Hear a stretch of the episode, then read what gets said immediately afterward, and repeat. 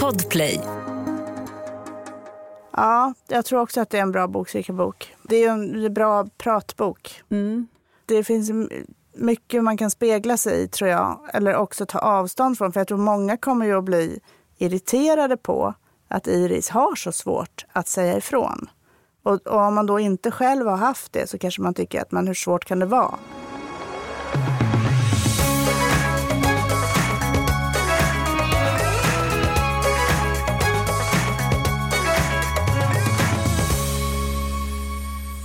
Som ett maskrosfjun i vinden tänker hon om sig själv, snart 18-åriga Iris i Anna Schultzes nya roman Är det här jag? Men hur säger man ifrån när ingen har ens rygg? Anna Schultze hon skriver om det vardagligt stora och svåra i att vara människa tillsammans med andra människor. Och Anna är dagens gäst. Sen blir det nytt från bland annat Emily Pine i veckans boktips med Johanna Stenius. Det här är avsnitt 37 av Samtal om böcker och jag heter Lisa Tallroth.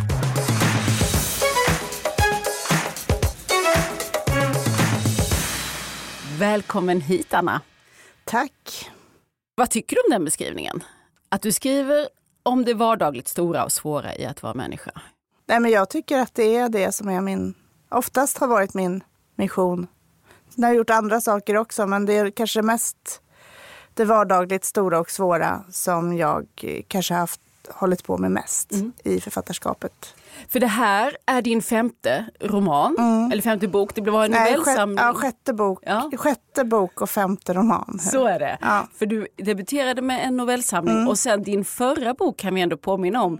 Den fick mycket uppmärksamhet, Kidnappningen, av ett lite annan karaktär för den var ju uttalat en självbiografisk berättelse, en släktberättelse och den dramatiska historia som fanns kring din pappa. Och jag eh, tänker att det faktiskt finns en del kopplingar, även om den var så speciell jämfört med de här romanerna du har skrivit. Så ha, även där uppehöll du dig kring frågor om jaget och integritet och Ja. var gränserna Ja, ska gå och finns de. absolut. Absolut. Det tycker jag är en jättebra iakttagelse. Men, och, och vi kan återkomma till det, men vi måste ju ändå börja med den här nya som ligger här. Är det här jag? Eh, handlar om Iris som vi möter när hon är Ja, hon är 17 och ska fylla 18 och har, har precis gått ut gymnasiet. Och hennes mamma har dött i en bilolycka. Det har redan hänt. Ja. Och eh, hennes pappa försvann innan hon ens föddes. Och kvar finns nu en väldigt löst sammanhållen familj. Vi har moster Sofia, vi har småkusinerna, en mormor i Frankrike och lite andra liksom, karaktärer runt om som är ingifta, utflyttade, frånskilda runt huvudpersonen Iris. Så hon står där och eh, ska nu ut i livet. Och du får, du får liksom hjälpa mig här lite att beskriva vad är det som händer i romanen här inledningsvis? Ja, det som händer är ju den här föräldralösheten som plötsligt inträffar genom den här smitningsolyckan som hennes mamma dör i. Och att hon, eh, hon då är hänvisad till moster Sofia. Sen ska jag säga att moster Sofia är en ung moster. Hon är bara 13 år äldre. Så att det är liksom en relation som svävar mellan en äldre släkting och ett, ett slags syskon. Och eh, Sofia är väl inte speciellt intresserad av att vara någon för Iris. Hon har fullt upp, hon har småbarn och, och jobb och sina egna äktenskapliga svårigheter. Så att det är ju inget hon, hon vill göra egentligen. Hon bara hamnar i det. Men Iris är ung, hon, hon har ändå liksom en framtidstro och en vilja att, eh, att gå på konstskola. Det är det som hon har siktet inställt på och det här vill hon genomföra även trots att det här traumat plötsligt drabbar henne. Men hon, eh, hon söker en sko, eh, skola som ligger långt från hemmet. Hon är från Stockholmstrakten men söker en skola i Malmö och får med sig sin bästa kompis Lucy på det här också. Och eh, väl där börjar ju någon sorts självständigt liv. Det är ju början på ett vuxenliv. I och med att hon också flyttar, hon flyttar ju alltså därmed hemifrån. Men ja, sen är det ju också att eh, de tidiga kärleksrelationerna Mm. kommer in. Och det är ju också, det är ju ett ganska stort tema i den här boken. Hur, hur man hanterar ska hantera romantisk kärlek. Mm. Och ja, vad är okej? Vad är gränserna där? Mm. Men jag tänker på det otroligt dramatiska som ändå händer i mm. bokens början. Nämligen att eh, hon blir ja, föräldralös i någon mm. bemärkelse eller att hennes mamma dör så hastigt. Och hur hanterar hon den här döden? Nej men hon, man kan säga att det är en viss sorts copingstrategi faktiskt. Att hon ändå klarar av att fortsätta sitt eget liv. Samtidigt så tycker hon ju själv att hon är känslo, lite känsloavstängd. Att det är liksom, hon tycker att det vore mer klädsamt att, att brista i gråt och, och liksom skrika varför, varför. Och hon kan ju se de reaktionerna i sin närmiljö, att hennes mormor och moster har de reaktionerna och är väldigt, väldigt känslosamma. Men hon har inte, hon har inte det draget. Och det där, det där är hon väl också lite förundrad inför, varför hon är sån. Men samtidigt så är det ju så hon är. Hon är ingen dramatisk människa. Boken heter ju Är det här jag? Mm. Så man förstår ju att det är den frågan hon själv försöker ta reda på. Eh, och vad mm. ligger i titeln? Vad ligger i den frågan tänker du? Varför heter den så? Ja, den här frågan återkommer ju några gånger i romanen i lite olika versioner. Men det, är ju, det handlar ju någonstans om att hitta en identitet och att, att det här vuxenblivandet handlar ju ganska mycket om att hitta en vuxenidentitet. Vem, vem är jag nu när jag har uppnått den här åldern, när jag gått in i den här nya fasen?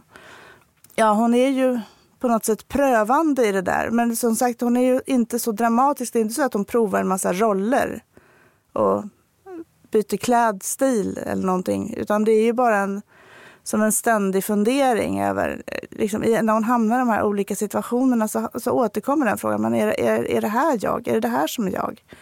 Och också just i förhållande till de tidiga romantiska erfarenheterna.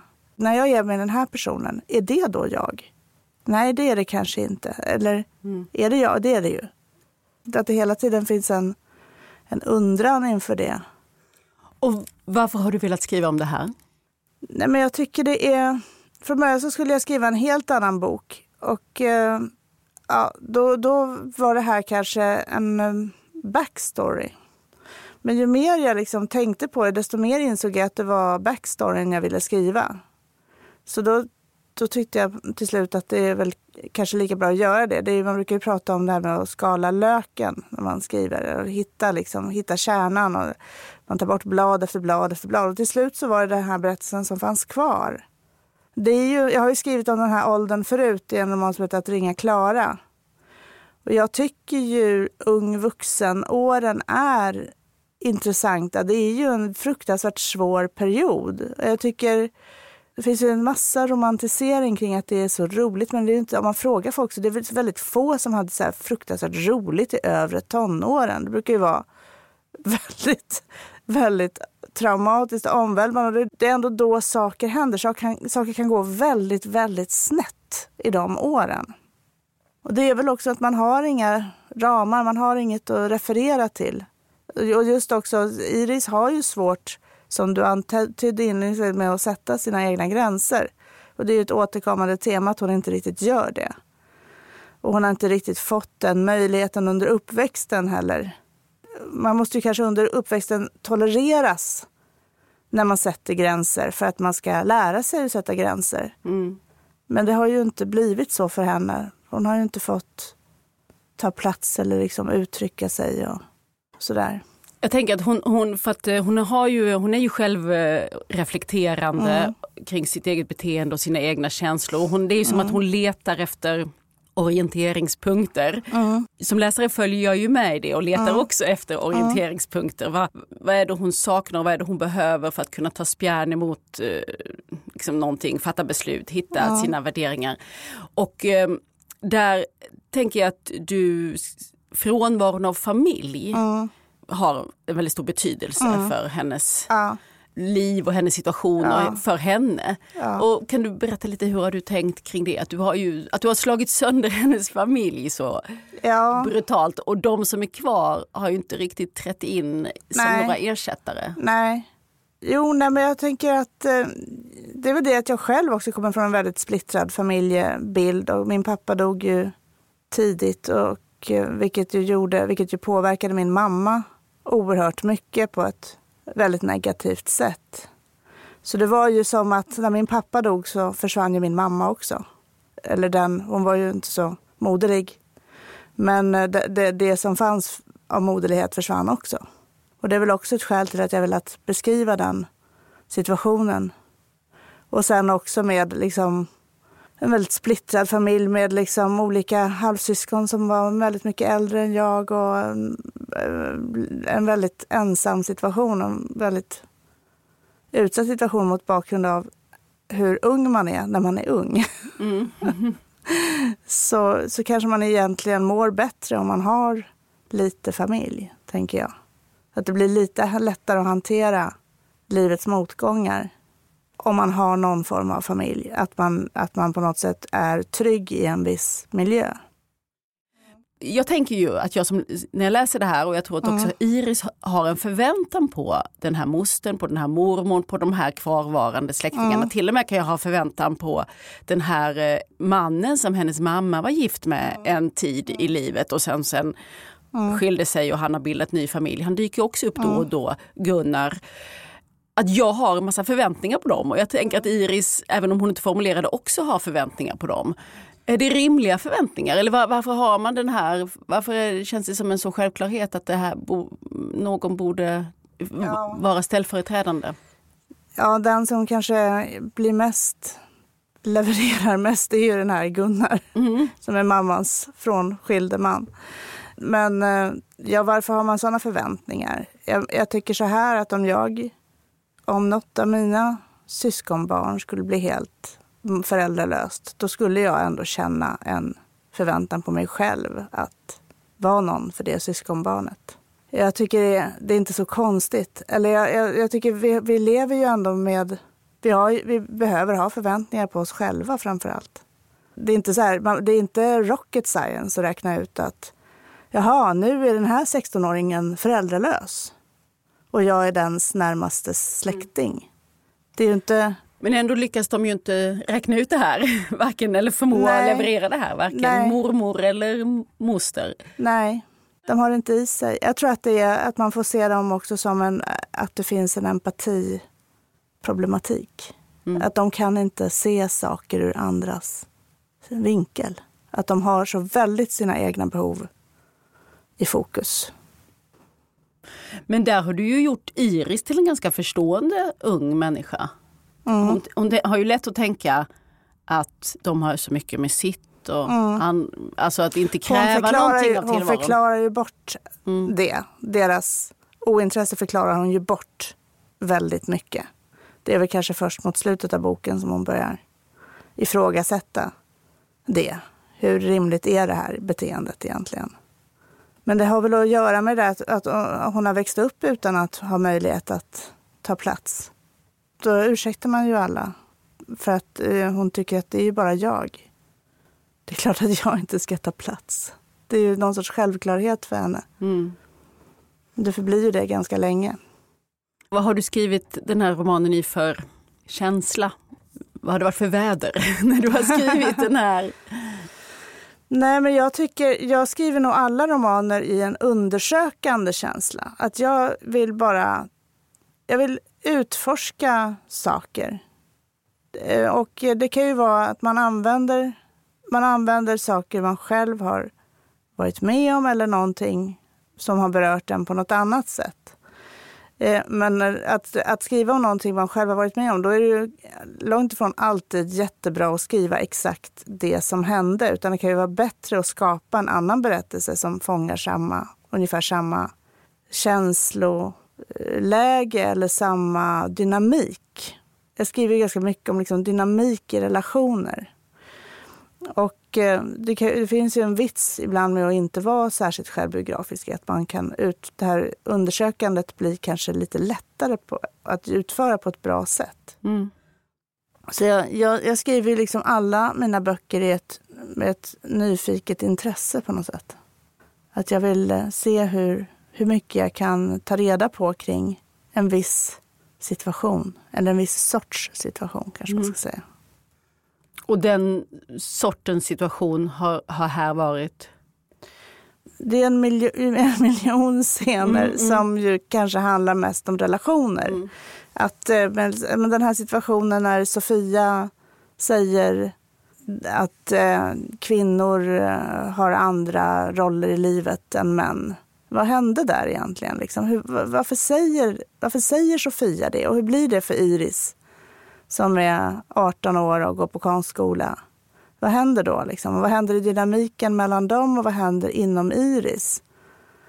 Nu tog jag bara ett exempel, men det är en rad, en rad sådana situationer. Eller med de här, den här tidiga pojkvännen Raul när han säger att eh, han tycker att kvinnor inte ska gå på konstskola. Vad händer, vad händer i relationen?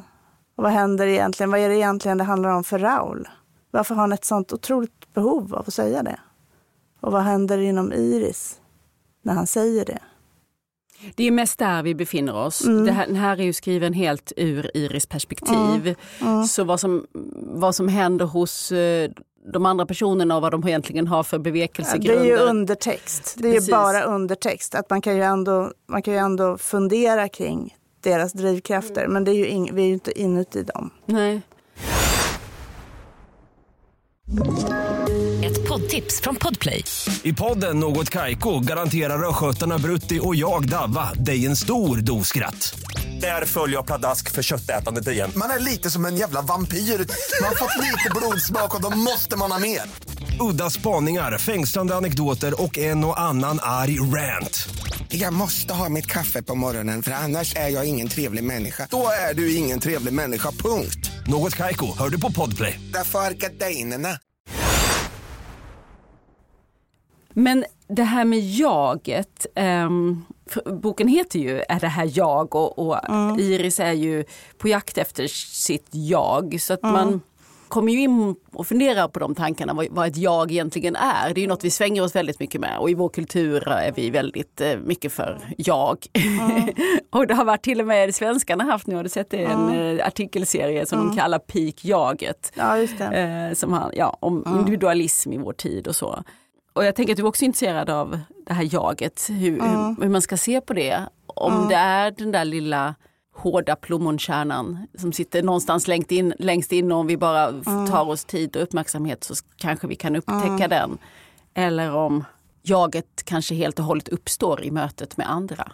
Det måste finnas ett Ja. du för att det ska finnas ett jag. Det, det är väl ändå så här att den här plommonkärnan är väl lite av en myt, tror jag man. Det, det är väl lite så man ser på jaget i liksom den, de som sysslar med jaget som sysslar med psykologi eller liknande. Så brukar man ju säga att den här plommonkärnan är en myt. Men är, att det är, det är i mötet med andra vi blir till. Mm. Men sen så tror jag att, att olika människor har olika lätt för det där med att känna så här, ja det här är jag, ja här går jag i mina typiska jag-kläder och säger mina grejer som jag brukar säga. Och det finns en ganska stor grupp människor som är så. Sen finns det, tror jag då, en mindre grupp som har väldigt, väldigt långt till att uppfatta sig själva som ett jag. Och Iris hör väl till den gruppen. Det är ju en personlighetstyp också. Hon har ju en personlighetssort där hon inte har så lätt att hitta en, en känsla för vad som är hennes jag. Så tänker jag ungefär. Finns det en värdering i det- här? Är det Nej. liksom- nej. Nej, verkligen inte. Eller jag kan... Eh, vad, vad tänker du att det skulle vara Nej, för men jag tänker, Ja. att, eh, jag tänker att om vi i vårt samhälle värderar det här, att vi, att vi tycker om de här liksom tydliga personerna Ja. som eh, Ja, jag- har tydliga ja. gränser och som liksom kommer med ett Ja. subjekt. Det finns väl en sån värdering att det är lite fint Mm. att vara sån. Och vad kul och grattis till alla som har lyckats med det. Men vi andra måste ju också få gå omkring och, och, och agera. Att, eh, att, eh, så, så jag håller med dig om att det finns en värdering. Men den, jag har ingen, ingen värdering. Det, nej, du förespråkar inte någonting. Men jag Nej, tänker att hon, att hon förhåller sig, Iris, eh, ändå till någon slags förväntan eller någon slags ideal. Att hon tänker om sig själv att hon skulle behöva vara tydligare. Hon borde veta vad hon vill. Hon borde ha koll på sin kärna. Och hon har intrycket av att många andra går runt i världen med självklarhet. Mm. Och många går omkring med kanske lite större självklarhet än själva Iris. Hon har ju de här väninnorna, liksom Minna och Sabina som ju är, är, har en helt annan liksom, känsla för sig själva och sina gränser och sina preferenser och kan tycka någonting och våga säga att jag tyckte det där var en dålig bok. Liksom. Och det här var en rolig utställning. Hon, hon, hon är ju så liksom or, orolig för att säga någonting fel. Så hon vågar inte ens säga att hon tycker att en utställning är rolig. Så hon är ju lite extrem ändå i den här gruppen som hon umgås med. Jag tänker att det kanske blir extra tydligt också eftersom du placerar mm. Iris i en konstnärlig utbildning. Mm. Hon går ju på konstskola mm. och är osäker också på egentligen om hon platsar där och vad hon har där att göra. Och det här är ju en plats med konstanta bedömningar och omdömen, ja. om ja. jämförelser. Och du har själv två konstnärer, vana från två andra konstinriktningar. Du är ju professionell musiker i grunden, har ja. gått Musikhögskolan, violinist. Ja. Och du har både gått skrivarutbildning men framförallt undervisat. Och nu är du väl på Linnéuniversitetet ja. och har ja. en undervisning i kreativt skrivande ja. och varit på Skrivarakademin, Folkuniversitetets tidigare. Och jag tänker att det är ganska likt mm. de här oavsett om det är musik, skrivande eller konst man sysslar med. Alltså konst, att hålla på med konst och utbilda sig inom konst, det handlar om att man på något sätt ändå säger att jag har något att komma med.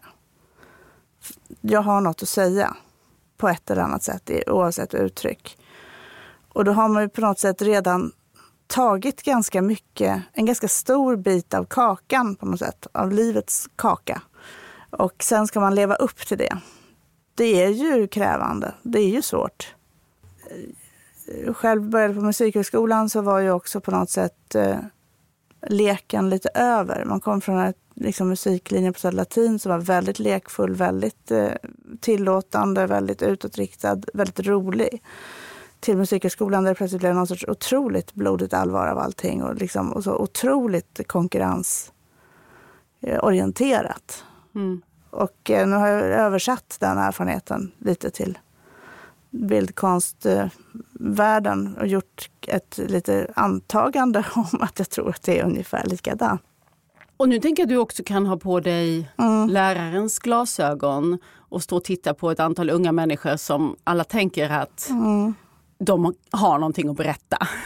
Så, eh, Iris är ju en sån blygsam person så hon, hon skulle väl inte säga det rakt ut att jag har något att berätta. Men Nej. hon vill ju prova om det kan vara så att hon har det ändå. Men ja. hon behöver ju få bekräftelse. Eh, och du skildrar väl tycker jag de här jag menar, relationerna mellan lärare och andra elever. Hur, eh, hur um, små kommentarer kan betyda enormt mycket för mm. Iris i det här fallet, eller den enskilde studenten. Så mm. det, för det är ju en väldigt komplicerad blandning av jaget mm. och konsten. Vem mm. jag är och vad jag gör. Berätta lite om de här lärarna som du har placerat på skolan. Ja, det är väl framförallt den som har fått henne att söka just den här skolan är ju hennes mosters pappa som heter Kettil och som undervisar där. Och eh, från början så eh, går han i någon sorts mentorsroll gentemot Iris, vilket hon tycker känns jättebra. Hon liksom, just i det här sökandet efter vuxna som kan vara en ställföreträdande familj så blir ju också Kettil viktig då på det sättet. Men sen så funkar det inte mellan Kettil och henne och framförallt så är det ju att hon eh, blir tillsammans med den här Raul som Kettil sedan tidigare avskyr och han blir ju jättekritisk på en gång. Han vänder henne ryggen kan man säga. Och sen förvärras det här av att hon eh, söker sig till en annan lärare, Larry, som Kettil också ogillar. Det finns ibland på skolor, har säkert många märkt, så finns det ju stora så här, rivalitetsproblem mellan olika lärare. Det kan ju vara som rena krigszonerna faktiskt. Och det här förvärrar ju det hela ytterligare. Men de det är väl, hon, hon, får, hon upplever ju att hon får att Larry har ett coachande förhållningssätt. Att han ändå hjälper henne. Han är en ganska bister lärare och inte alls någon mystomte. Men ändå så... På något sätt är det som att han ändå bekräftar henne lite grann. Han kan ändå visa att det här var ju ganska bra när någonting går lite bra. Medan Kettil nästan blir som lite märkligt besatt i att trycka till henne att det blir så väldigt viktigt för honom att göra det. Och till slut så slutar det med att han inte ens ger henne lektioner i det ämne som hon ska ha honom i. Och varför gör han det? Varför, varför måste han trycka till sin unga släkting och elev? Ja, det är ju ett mysterium med, med Kettil. Varför behöver han göra det här? Men det, jag tänker att det är att han är en person med låg självkänsla. För en del människor har ju det där beteendet och på ett lite obegripligt sätt. Och att eh, han känner sig väl på något konstigt sätt avvisad i och med att hon väljer Larry som han eh, har avrått henne från mm. att uh, ha som handledare. Men sen så blir ju det där, det accelererar ju också i, i hur Kettil, hur han pratar om henne med Sofia och mormoden. Det är ju ett, ett svårbegripligt beteende. Behöver man begripa det för att skriva det? Nej. Behöver du som författare begripa det för att Nej. kunna skriva det? Nej. Nej, jag behöver bara begripa min huvudperson. Jag är ju i Iris i hela boken. För det där är nästan farligt. Det kan man säga, jag som har undervisat så mycket, när folk börjar så här, om de skriver ur en persons perspektiv och sen börjar det med långa så här utläggningar om vad som motiverar bipersonerna på olika sätt. Det blir ju väldigt svajigt i perspektivet. Så att det är ju nästan bättre om man håller sig ifrån det. För att alltså, vi lever ju hela våra liv ur ett enda perspektiv. Mm. Och det är ju ganska bra om man kan, kan skriva sina böcker på det sättet också. Alltså under förutsättning att man skriver ur ett enda perspektiv. Eftersom det ändå är ett tema i boken att eh, en ung människa som försöker hitta sig själv och också vill bli konstnär. Att det är en väldigt skör situation. Mm. Eh, man blir överhuvudtaget uppmärksam på skörheten i att vara ung och söka de här orienteringspunkterna som, som Iris gör och att det kan vara så att det är jag som utgör en orienteringspunkt mm. gentemot en annan ung människa fast jag inte vet om det. Mm. Så tänker jag, tänkte jag mycket när jag läste. Mm. Hur har du reflekterat kring det? Att vara den som möter de här unga människorna? Ja, jag tycker att man ska ha ett bekräftande förhållningssätt i grunden. Ja, jag kan tycka att det, det finns faror med att vara för, för negativ i sin respons. För det kan ta sån tid för personen att reparera sig själv och eh, fortsätta arbeta. Sen så ibland så behöver man ju kanske vara tydlig med att det, det som inte fungerar i den här texten är de här grejerna. Att, så att man också visar men man behöver förklara lite tydligt vad det är som gör att en, till exempel en text inte fungerar. Men det är ju... Jag, jag tycker så här att jag, jag, tycker att jag har otroligt lite tid för att se ner på andra människor. Jag är fullt upptagen med annat faktiskt. Mm. Att man försöker se vad är det den här personen försöker uttrycka. Sen kanske inte det alltid kommer fram och då får man hjälpa till med att det kommer fram bättre. Någonting sånt tänker jag. Men man kan ju ha ett litet skört jag som ligger där på bordet och inte bara en text mm. också. Alltså, det, ja. att det betyder mycket mer för en tjej som ja. Iris än vad det gör för den mm. konstruktiva läraren. Så att det är bara, ja. ja och det är ju den här svårigheten du skildrar i, i boken. Så är det ju. Den utspelar sig i början på, eller slutet av 80-talet. 86 är en markör i början. Sen är det inte, ordas det egentligen inte så mycket mer om det. Nej. Mer än att det här är en tid innan, innan internet och ja. mobiltelefoner ja. och så. Men vad spelar, vad spelar tiden för roll i den här berättelsen? Ja, jag tror att den spelar en viss roll. Dels så är det faktiskt så att internet och telefonerna har gjort ganska stor skillnad med hur man lever sitt liv. Vilka och, krav man har på kommunikation och respons? Till ja, exempel. till exempel. Så, och jag tror att det hade varit svårt att skriva en roman om en ungdomstid där jag själv inte har varit ung. Det blir så uppenbart att man totar ihop något. Men eh, sen så tycker jag i och för sig det här, det kom ju en bok där som hette Män är från Mars, kvinnor från Venus och det var väldigt mycket kring kön till, och liksom, det var väldigt mycket särartsfeminism och att kvinnor fick gröt i huvudet när de ammade och jag gröt i huvudet av ditt och gröt i huvudet av datt. Liksom en sorts mis misogyni mm. som var ganska extrem, tycker jag. Och som eh, anammades i alla möjliga läger. Och den hoppas och tror jag inte riktigt finns på samma sätt idag. Killarna på den här konstskolan är ju ganska upptagna kring frågan huruvida kvinnor överhuvudtaget kan vara konstnärer. Mm. Så det är ju någonting som Iris måste mm. förhålla sig till, den frågan. De kanske, kanske ligger något i det, tänker mm. hon. Och... Den, den här tesen får ju stöd också av moster Sofia som ju också är väldigt särartsfeministisk och tycker att kvinnor har egentligen innerst inne vill alla kvinnor bara vara hemma och pyssla. Och Iris känner väl att hon inte riktigt vill det. Men eh, hon är ju så, Iris är alltid så snabb att tänka att det säkert är henne det är fel på. Så att... Moster Sofia där har ju kanske en, en dröm som kom på skam mm. kring just konstnärlig utövning. Mm. Som jag, jag tänker i alla fall ja, ja. kan jo, ligga till absolut. grund för att hon har tagit den positionen. Ja, det tror jag. Uh, det tycker jag är en bra läsning faktiskt. Men du, uh, ja, Iris är intresserad av att laga mat. Mm det är lite ovanligt intresse sådär när man är mm. väldigt ung och flyttat hemifrån och mm. eh, har ont om pengar. Eller, ja. Mm. mm. Men varför är hon så intresserad av att laga mat? Varför gav du henne detta? Ja, varför det? Jo, nej men eh, jag har ju själv ett stort matlagningsintresse som ju också, jag har ju skrivit om matlagning i tidigare böcker också. Vårt gemensamma liv, ja, precis, där har den, vi en kock till och med. Ja, mm. precis. Det handlar ju väldigt mycket om sortera och bräsera som någon recensent mm. sa. Nej, men och det, det intresset vaknade väl ungefär i den här övre tonåren. Att, man började, att jag började hålla på och läsa kokböcker och, och liksom tycka att det var så kul att planera menyer och liksom att uh, sätta mig in i det där. Men samtidigt är ju matlagning ett sånt bra exempel på det här med uh, särartsfeminism. Att, eh, för, för i alla fall på 80-talet så pratade man ju om att alla stora kända kockar var män. Medan kvinnor var hemma och gjorde korv och makaroner och tyckte det var den högsta drömmen i livet att få göra den där korven och makaronerna och hälla på lite smör och ketchup eller något.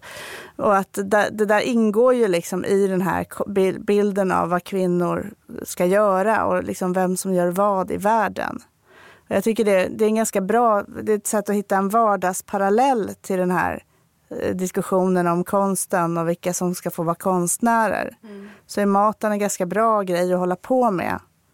Och sen är ju maten också ett ställe där Iris faktiskt vilar lite grann. Att hon har faktiskt fruktansvärt stabilt självförtroende när det gäller mat. Hon vet att hon lagar god mat. Mm hon kan ju få uppskattning för det på ett sätt som inte blir laddat. Att även de här, när Raul som kan vara så kritisk till det hon gör konstnärligt tycker att hon lagar god mat. Det blir ju inte, han har ju inte något behov av att trycka till på samma sätt där. Så att det blir ju en, maten blir ju som en frizon där hon kan vila upp sig lite grann.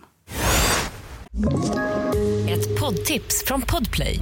I fallen jag aldrig glömmer djupdyker Hasse Aro i arbetet bakom några av Sveriges mest uppseendeväckande brottsutredningar. Går vi in med hemlig telefonavlyssning och, och då upplever vi att vi får en total förändring av hans beteende. Vad är det som händer nu? Vem är det som läcker? Och så säger han att jag är kriminell, jag har varit kriminell i hela mitt liv men att mörda ett barn, där går min gräns. Nya säsongen av Fallen jag aldrig glömmer på Podplay. Hade du bestämt dig från början vart du skulle ta Iris? Vi följer henne under två år ungefär. Det är åren mellan, ja, på den här skolan. Hon är ju nästan 18 när vi börjar och nästan 20 när vi slutar. Ja. Och utan att vi avslöjar själva slutet, vad, vad tänkte du? Vart ville du ta henne? Nej, men att hon skulle flytta sig mot att eh, på något plan att, att stå upp för sig själv att faktiskt sätta gränser. Egentligen så tror jag att det var hela planen för den här. Att hon skulle ta en person som överhuvudtaget inte kan sätta några gränser, utvecklas och sen kan hon det. Kan hon svara på frågan, är det här jag? Hon gör ju det på slutet. Så kommer hon ju fram till, att, för återigen, vi blir till i mötet med andra, men att hon i en viss situation, i en viss relation tänker att ja, det här är jag. Mm. Jag eh, gjorde ju, eftersom jag nu hade även din förra bok Kidnappningen mm. ganska färskt i huvudet. Jag tänkte nästan på den här ändå som en fortsättning. Det var ju mm. för att jag läste dem lite rygg till rygg här. Men hur tänker du själv att de, tänker du själv att de sitter ihop på något vis?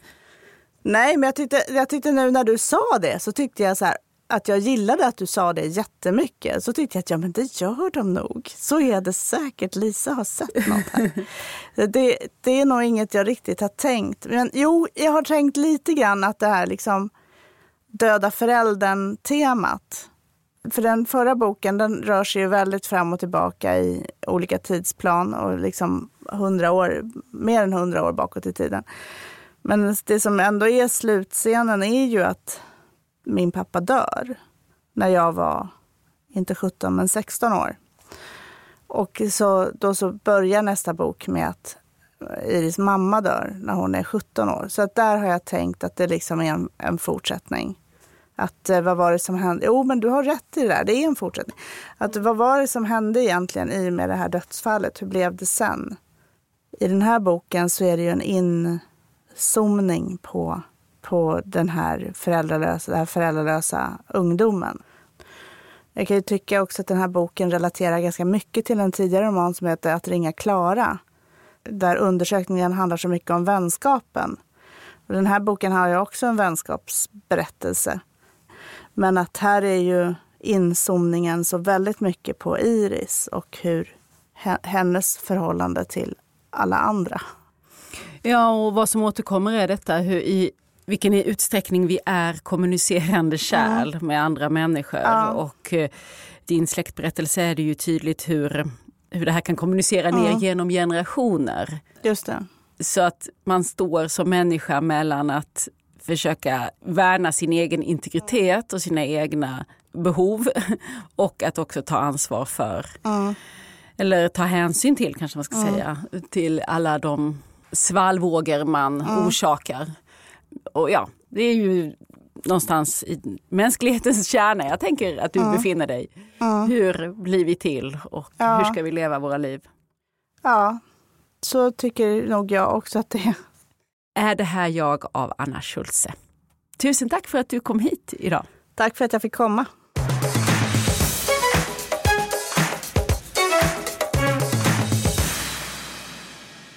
Vår sponsor, nätbokhandeln Adlibris, väljer ju varje månad ut extra läsvärda pärlor som då finns till kampanjpris hela månaden ut.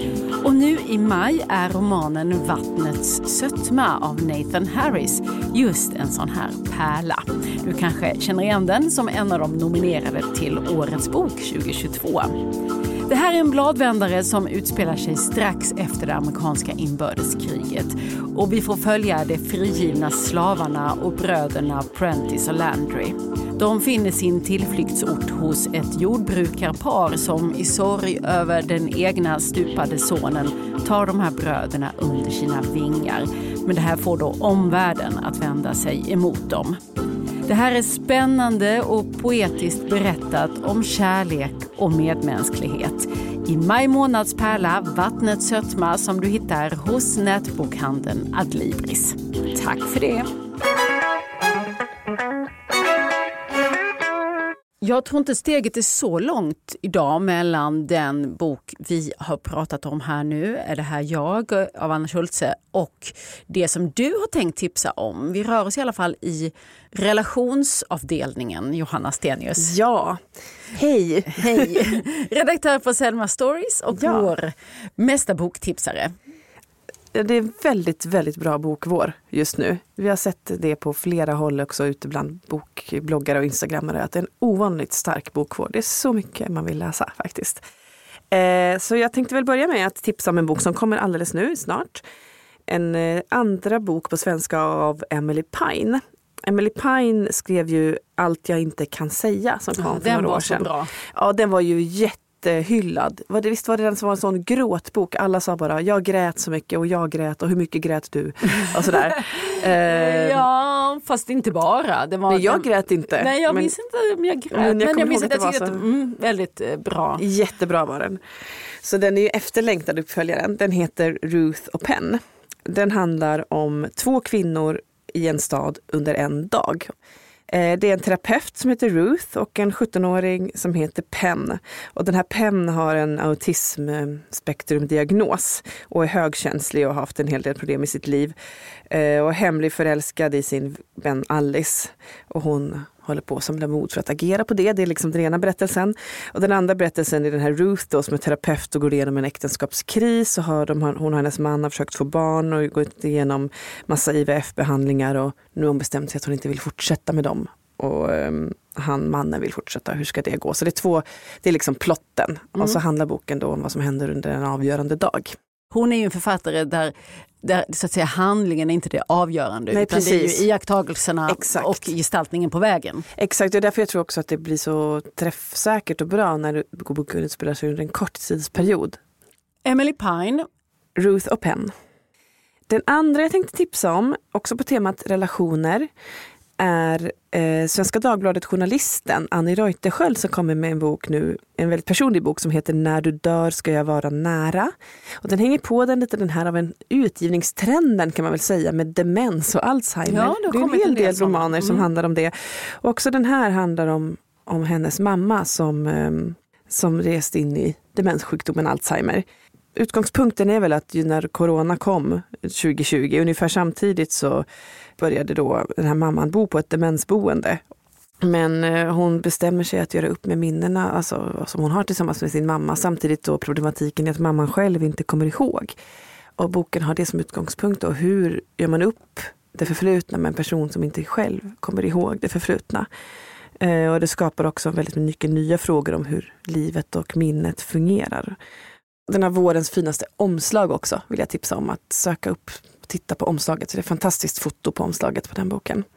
På Annie Reuterskiölds eh, nya bok då, När du dör ska jag vara nära. Vi kastar oss ju mellan ämnen här. För relationer lika väl, men i lite glättigare ton. För jag tänkte tipsa om lite feelgood också när jag ändå är här, som ändå är lite av mitt specialområde.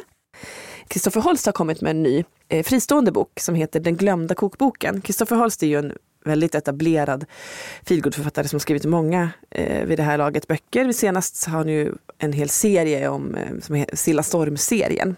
Men den här är fristående. Han skriver väldigt varmt och härligt i kombination med att han är väldigt bra på att beskriva mat och vin. Ja, gör han ju på Instagram och så Ja, också. han är ju underbar. riktig... Om man har sett honom vintipsa i tv och så. så att, han, eh, att läsa hans bok är en fröjd. Och den här boken är ju dessutom utspelar sig i restaurangvärlden. Så det är en bonus då. Den handlar om en restaurangkritiker, Max, som eh, får sparken från en tidning för att han är helt, eh, har gått ner sig i sprit och, och självömkan.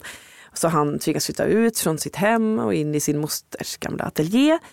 Och där hittar han en gammal receptsamling som visar sig vara skriven av hans mamma som eh, försvann redan när han var väldigt liten. Så eh, boken eh, utspelar sig faktiskt i två tidsplan. Å ena sidan handlar det om den här Max och sökandet efter vad som egentligen hände med hans mamma. Och den handlar också om hans mamma under tiden då när hon var ung. Och det visar sig ju att de har massa gemensamma beröringspunkter, bland annat en väldigt känd restaurang i Stockholm som Kristoffer har hittat på men som nog har stora likheter med restauranger som Prinsen till exempel. Den glömda kokboken av Kristoffer Holst. En av de bästa jag läst av honom, den är jättebra. Också för att den har ett visst mörker i sig och det, de bästa feelgood har ju det.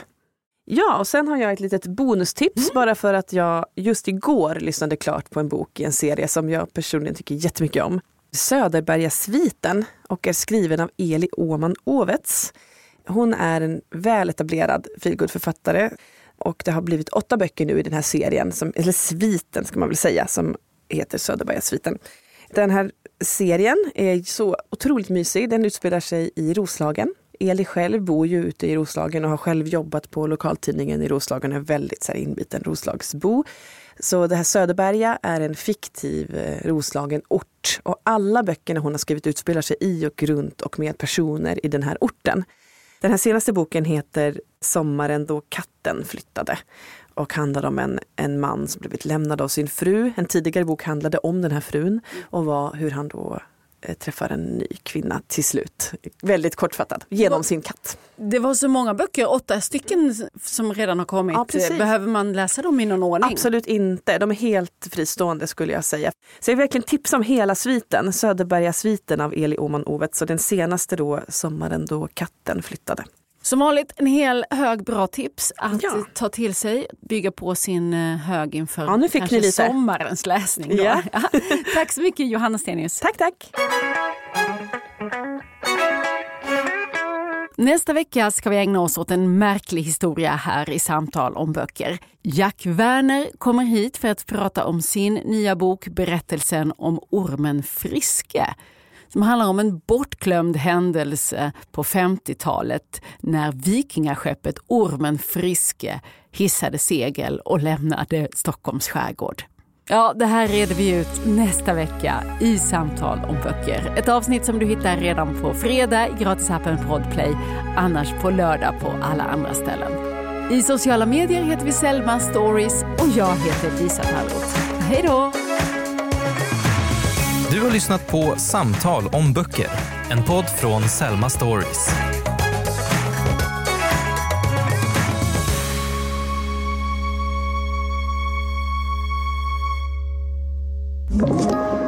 Podplay. Ett poddtips från Podplay. I podden Något Kaiko garanterar östgötarna Brutti och jag, Davva, dig en stor dos skratt. Där följer jag pladask för köttätandet igen. Man är lite som en jävla vampyr. Man har fått lite blodsmak och då måste man ha mer. Udda spaningar, fängslande anekdoter och en och annan arg rant. Jag måste ha mitt kaffe på morgonen för annars är jag ingen trevlig människa. Då är du ingen trevlig människa, punkt. Något Kaiko, hör du på Podplay. Därför arkadeinerna.